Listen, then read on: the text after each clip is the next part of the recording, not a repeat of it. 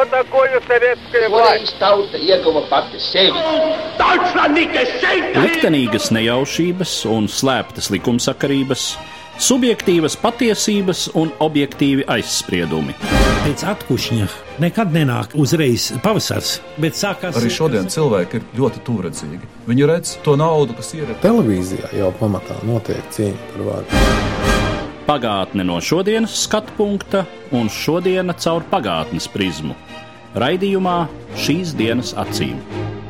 Katru svētdienu Latvijas radio eterā Eduards Liniņš.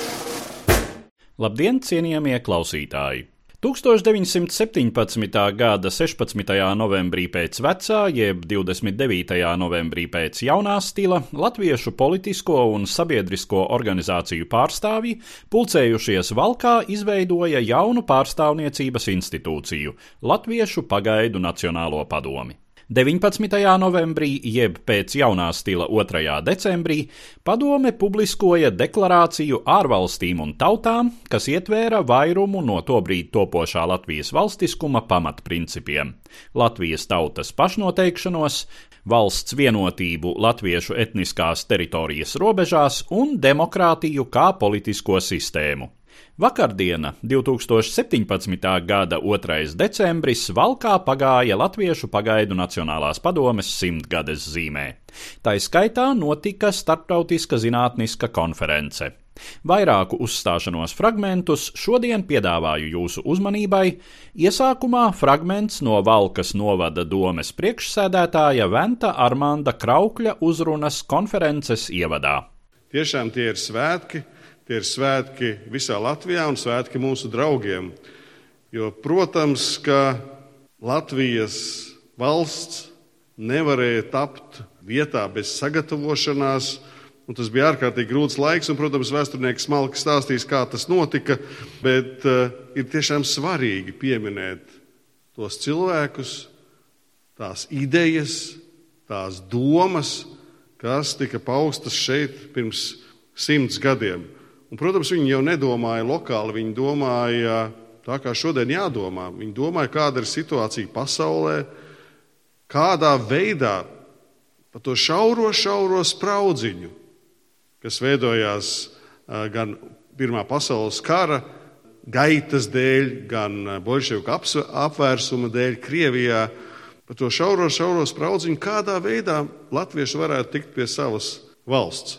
Un tas bija ārkārtīgi grūts uzdevums. Arī tādēļ, ka, protams, latvieši nemaz nebija tik vienoti un, un latviešiem eh, nebija vairumā, ja mēs skatāmies uz visu tautu, skaidrs, ka jā, mums to valsti vajag, un ja vajag, kāda šī valsts būs.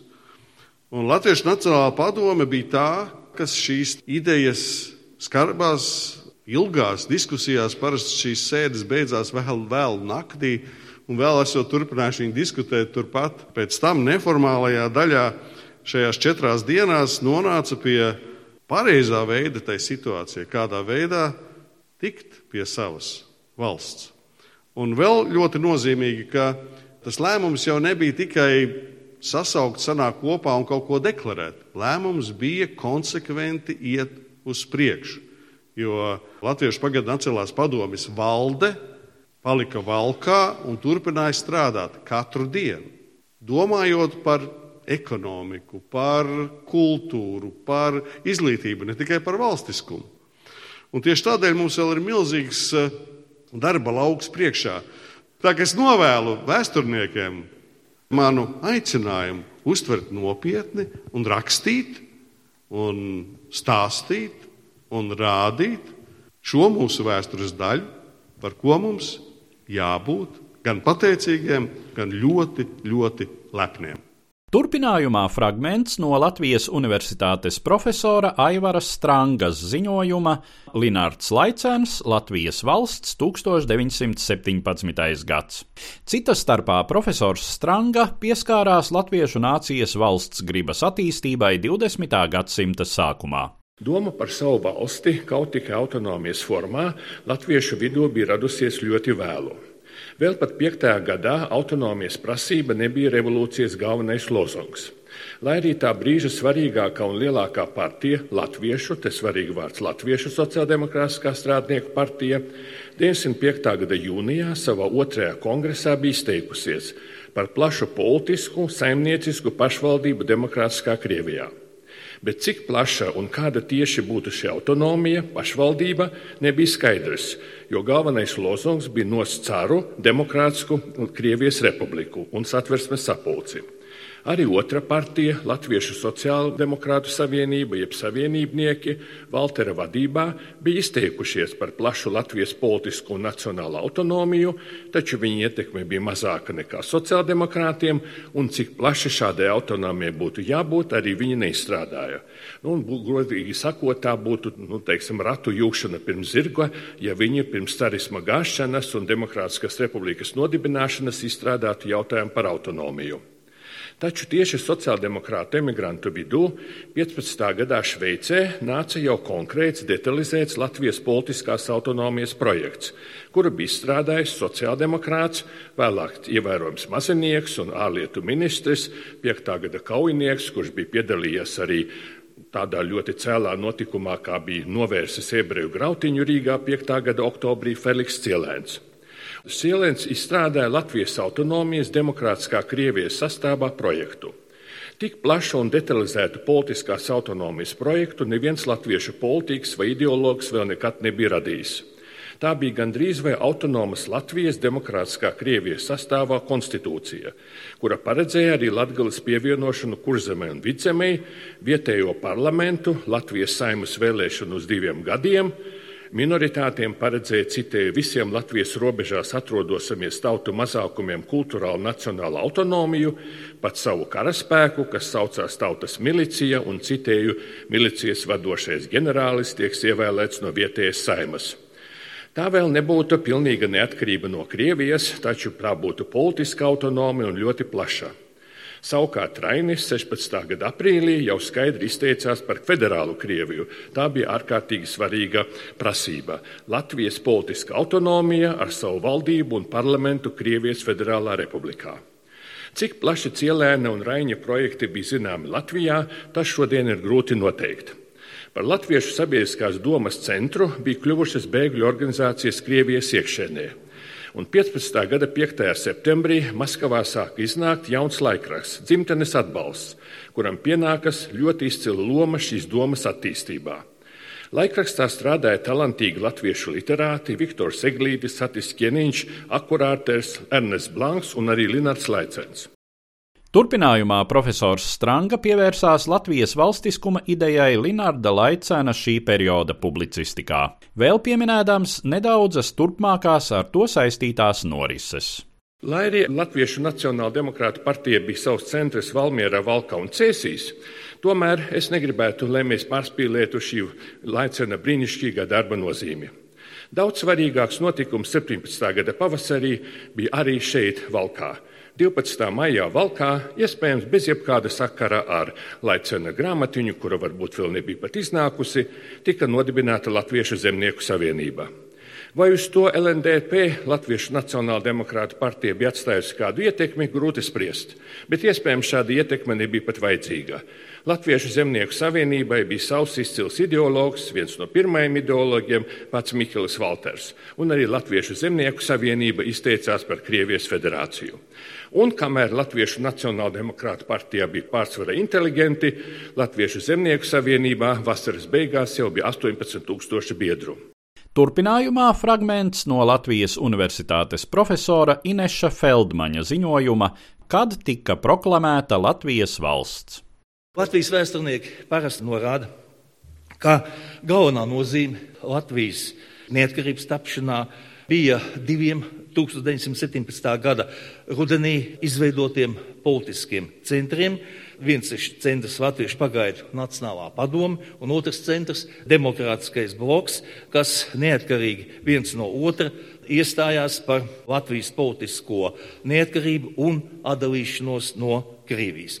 Latvijas historiografijā gan ir izteikti atšķirīgi viedokļi par to, kuram no minētajiem politiskajiem centriem bija galvenā loma neatkarīgas valsts izveidē un neatkarīgas valsts organizēšanā.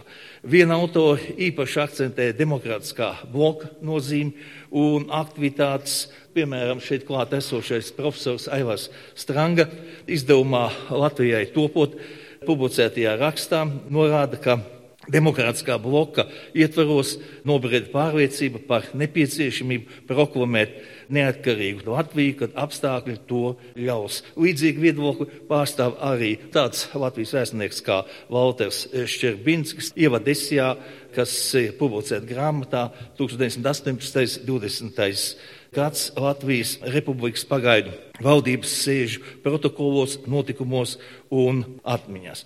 Turpretī vairāk citi autori ir pārliecināti, ka nav noliedzama Latviešu pagaidu Nacionālās padomas īpašā loma, īpašā nozīme Latvijas valsts izveidē. Vēstures literatūrā ir pārstāvēts arī uzskats, ka abu latviešu politisko centru darbība bija gandrīz vienādi nozīmīga un vienādi mērķtiecīga, jo tā vai citādi sekmēja to, ka latviešu tautai izdevās kļūt savā ziņā par izredzētu nāciju, nāciju, kurai ir sava nacionāla valsts. Daļai piekrītot šim pēdējam uzskatām un principā nenoliedzot abu centru darbības lielo nozīmi, tomēr īpaši, manuprāt, ir jāuzsver, ja runājam par Latvijas valstiskumu tapšanu, priekšroka viennozīmīgi dodama Latviešu pagaidu nacionālajai padomē.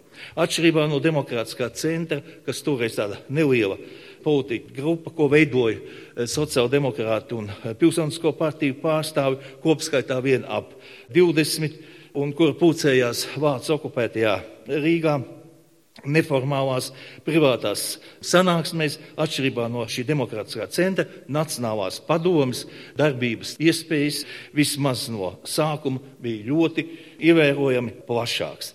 Vispirms jau tāpēc, ka Nacionālās padomas galvenie iniciatori, dibinātāji un vadītāji, tādi kā jau šeit minētais Valdemārs Zāmoels, Jānis Goldmans, Zifrīds Anna Meirovics, visi bija enerģiski, visi bija tālredzīgi, dziļi nacionāli pārliecināti demokrātijas darbinieki, kuri pielika visas pūles, lai Latviešu pagaidu Nacionālā padome apvienotu visu latviešu tautu no bolševikiem līdz pat konservatīviem cīņā par nācijas pašnoteikšanos savā nacionālā valstī.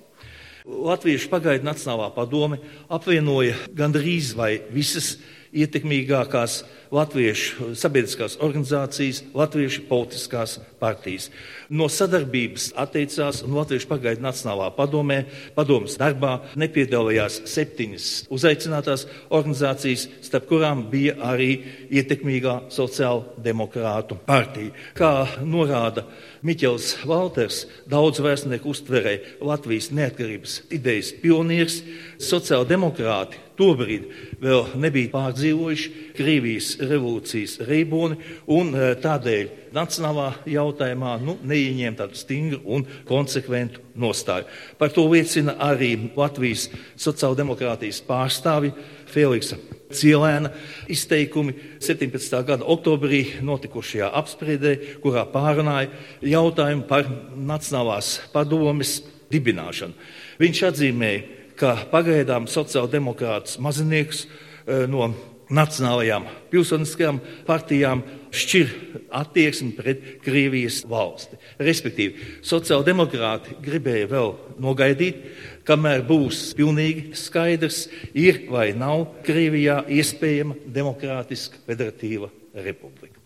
Uznākot uz eh, politiskās skatuves, Latvijas pagaidu Nacionālā padoma izvērs rosīgu darbību kas tieši un mērķiecīgi bija virzīta uz neatkarības izcīnīšanu un savas valsts veidošanu. Jau savā pirmajā sesijā Valkā 1917. gada 19.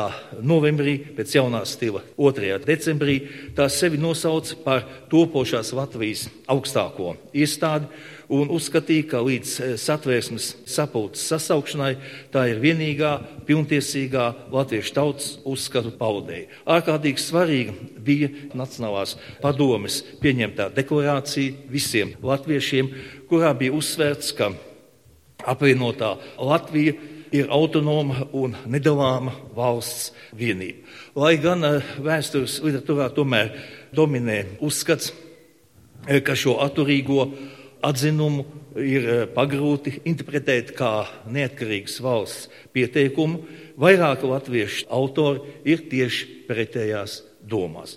Nu, no tiem autoriem, kas ir jau pretējās domās, var nosaukt pazīstamu latviešu vēsturnieku, kas gan jau ir aizgājis aizsaulē, Edgars Dunsdorfs, var minēt šeit arī Ādolfu Klīvi un vairākus citus. Viņi savos rakstos un grāmatās tieši pasvītro, ka pieminētajā deklarācijā skaidri pasludināta brīva un neatkarīga Latvijas valsts. Jāsaka, ka daudzi vēstures avoti faktiski arī apstiprina šādu viedokli. 1918. gada 5. jeb pēc jaunās stila 18. janvārī Nacionālās padomas ārlietu nodaļas priekšsēdētājs Jānis Goldmans Krievijas eh, satvērsmes sapulcē sniedza paziņojumu, kuru šī sapulce uztvēra kā Latvijas atdalīšanos no Krievijas. Visizvērstāk par Latviešu pagaidu Nacionālās padomes vēsturisko nozīmi savā priekšlasījumā runāja Latvijas kara muzeja otrā pasaules kara vēstures nodaļas vadītājs, nesen iznākušās grāmatas Neatkarības čuksti Latviešu pagaidu Nacionālās padomes vēsture autors Jānis Tomaševskis. Iesākoties 20. gadsimtam, vārdi karš un revolūcija uz turpmākām pāris desmitgadēm kļuva par Krievijas dienas kārtības tādiem galvenajiem jautājumiem.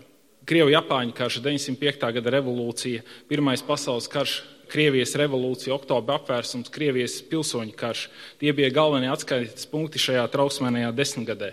Latvieši tajā visā nevien noskatījās, bet arī aktīvi piedalījās. Pa daļai pašu gribas dēļ, bet lielākoties kara un revolūcijas apstākļu spiesti. Šajā laikā latviešu tauta no revolucionāras tautas, kas zināja, pret ko viņi cīnās, piemēram, pret vācu mužniecību, pret sociālu netaisnību un citiem aspektiem, bet nezināja, par ko viņi cīnās, pakāpeniski pārtapa par tautu, kas sāk apzināties savu kopību, kam ir viena vēsture un kam jāceļ ir viena kopīga nākotne. Tādējādi no vēstures objekta latviešu tauta pamazām kļuva par pilntiesīgu tās subjektu, ar kuras interesēm bija jāsāk rēķināties arī lielvalstīm. Kaut arī no lielvalstu puses tas tolaik notika dēļ tāda ģeopolitiska aprēķina. Par latviešu nacionālo centienu galveno virzītāju spēku Pirmā pasaules kara laikā kļuva pilsoniskie spēki. Kaut kara sākumā tie nekavējās solīt uzticību Krievijas impērijai, tās nedalāmībai un neuzvaramībai. Tomēr kara apstākļi šos uzsvarus pamazām mainīja. Pasaules kara laikā latviešu nacionālā pašapziņa ieguva jaunu enerģiju un paradoxāli nevis lielu uzvaru, bet gan kara izraisītā posta un sociālās krīzes dēļ. Vācu iebrukums 15. gadā un bēgļu kustība bija ļoti smags pārbaudījums latviešu tautai, ko daudz arī neizturēja. Tomēr vienlaikus bija arī pamudinājums vēl spēcīgāk apzināties savas saknes un piederību noteiktai zemei un tautai. Citēšu šeit līgotņu jēkabu. Pirmo reizi latviešu tauta visā dziļumā samana, ka Latvija nav tukšs vārds, geogrāfiska skaņa. Latvija priekš latviešiem ir dzīvības jautājums. Tauta bez savas zemes ir kā salmu stiebri, kurus vēstures vēji nesā pa zemes virsmu, mēslodami pasaules tīrumus.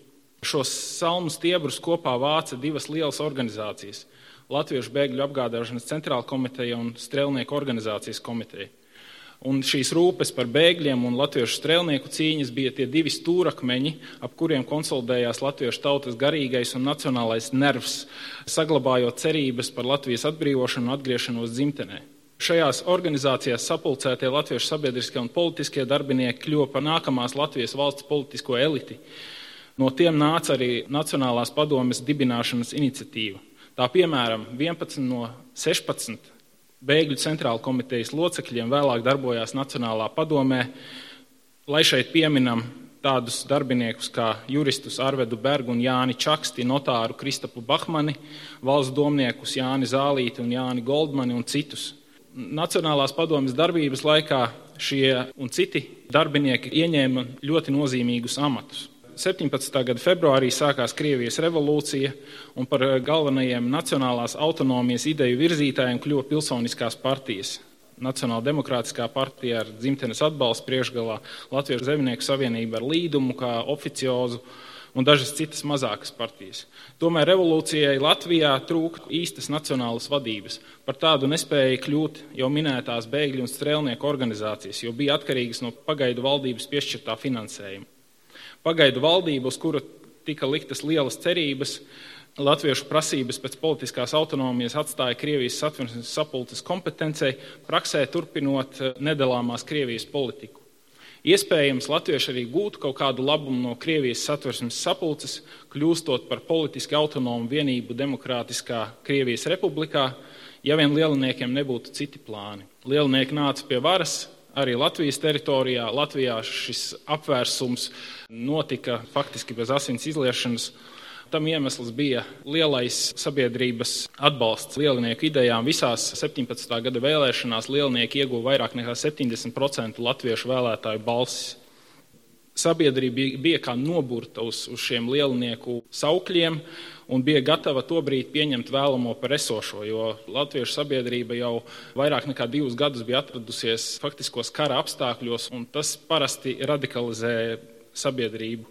Un galu galā um, lielnieku varai tobrīd arī nebija nekāda precedenta. Visi domāja, ka viņi tagad ņems un realizēs visus savus skaistos solījumus. Un kurš gan tobrīd nebūtu gatavs noticēt tādiem izveicīgiem un daļrunīgiem lielnieku aģitatoriem, kuri sludināja tūlītēju mieru, maizi un zemi visiem.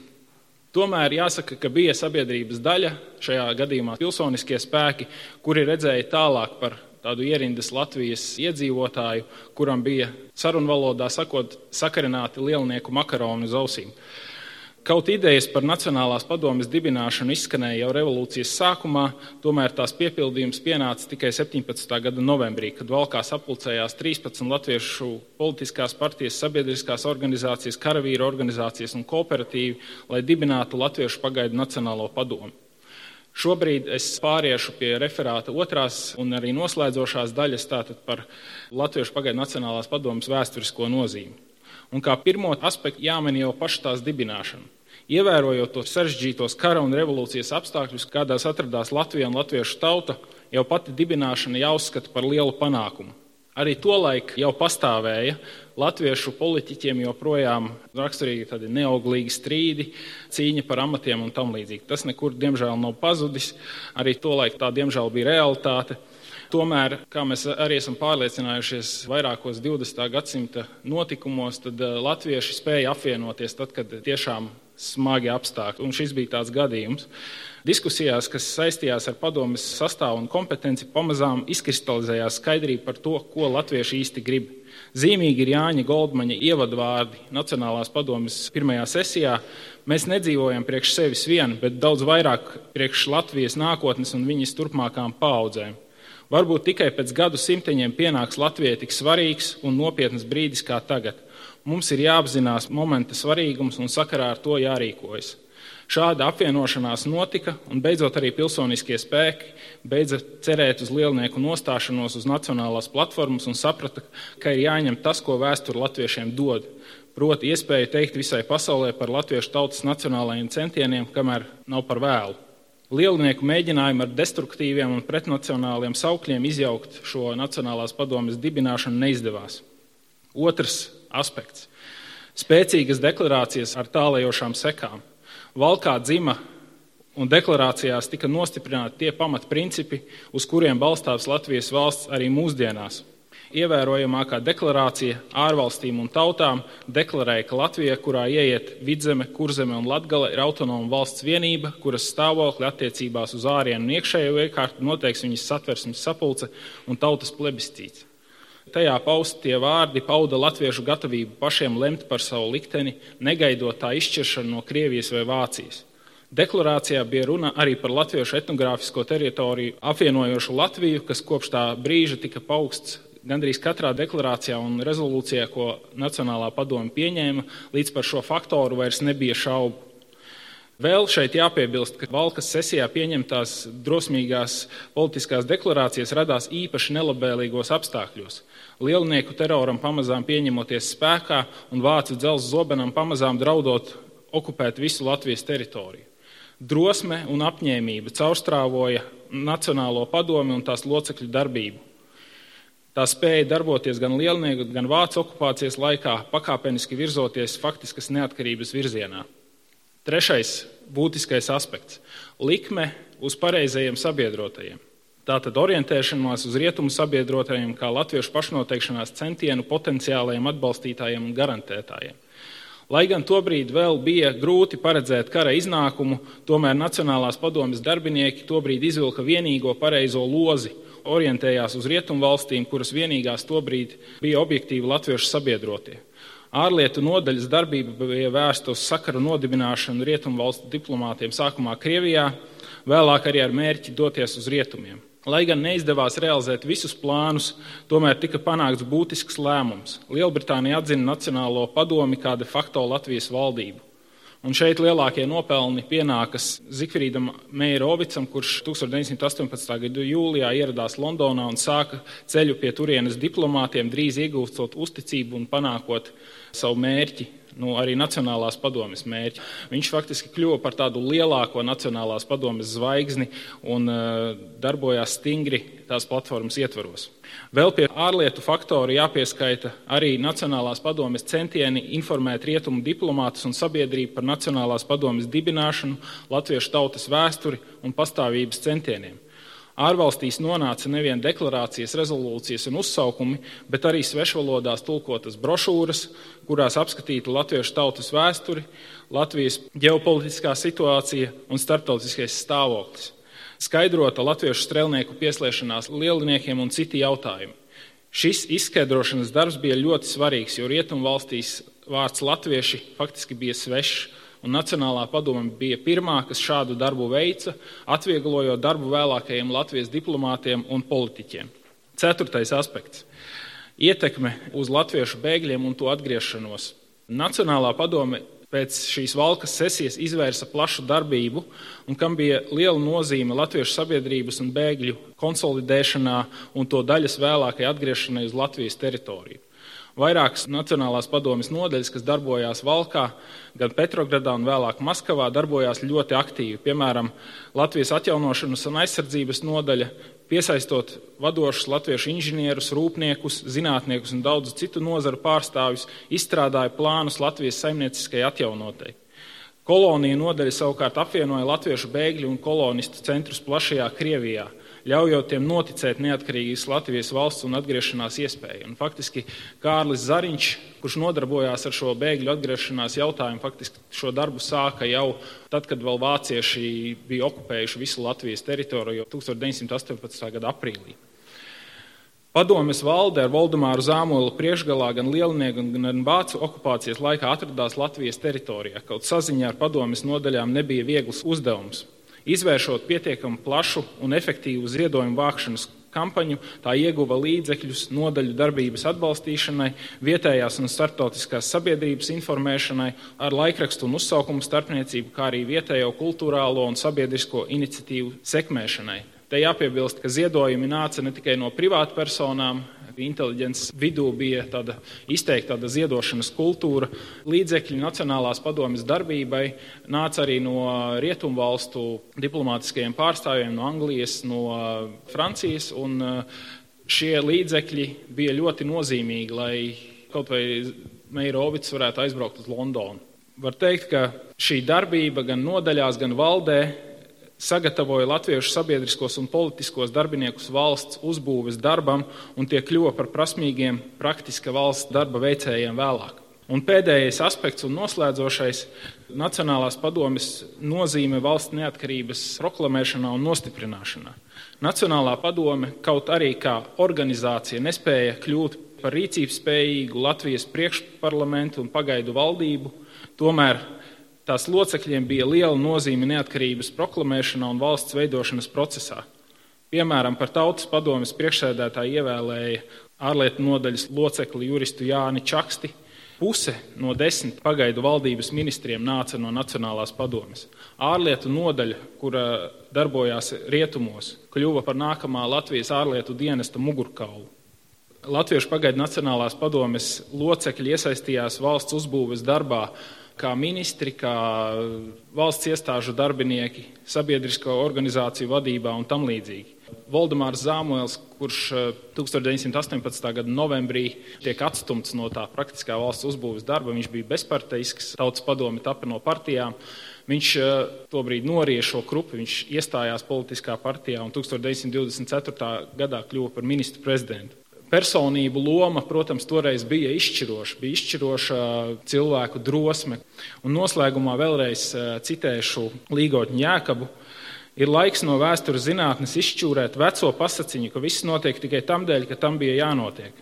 Ja arī mums nav rokās to nemaldīgo svaru, lai uz grama nosvērtu personības iedarbošanos vēstures notikumos, tikpat aplami būs apgalvot, ka apstākļi paši par sevi jau veidoja Latvijas valsti. Citāta beigas. Drosmīgie Nacionālās padomjas locekļi spēja pagriezt vēstures pulksteni, un tas sāka tikšķēt Latvijas laiku. Līdz ar to izskan raidījums, kurā dzirdējāt dažus fragmentus no vakar, 2017. gada 2. decembrī Valkā notikušās Starptautiskās zinātniskās konferences Latviešu pagaidu Nacionālā padome simts ziņojumiem. Dzirdējāt vēsturniekus Inesi Feldmani, Aivaru Strangu un Jāni Tomaševski, kā arī Valkas novada domes priekšsēdētāju Ventu Armandu Kraukli. Uzredzēšanos cienījamie klausītāji! Katru svētdienu Latvijas radio viens par pagātni sarunājas Eduards Līniju.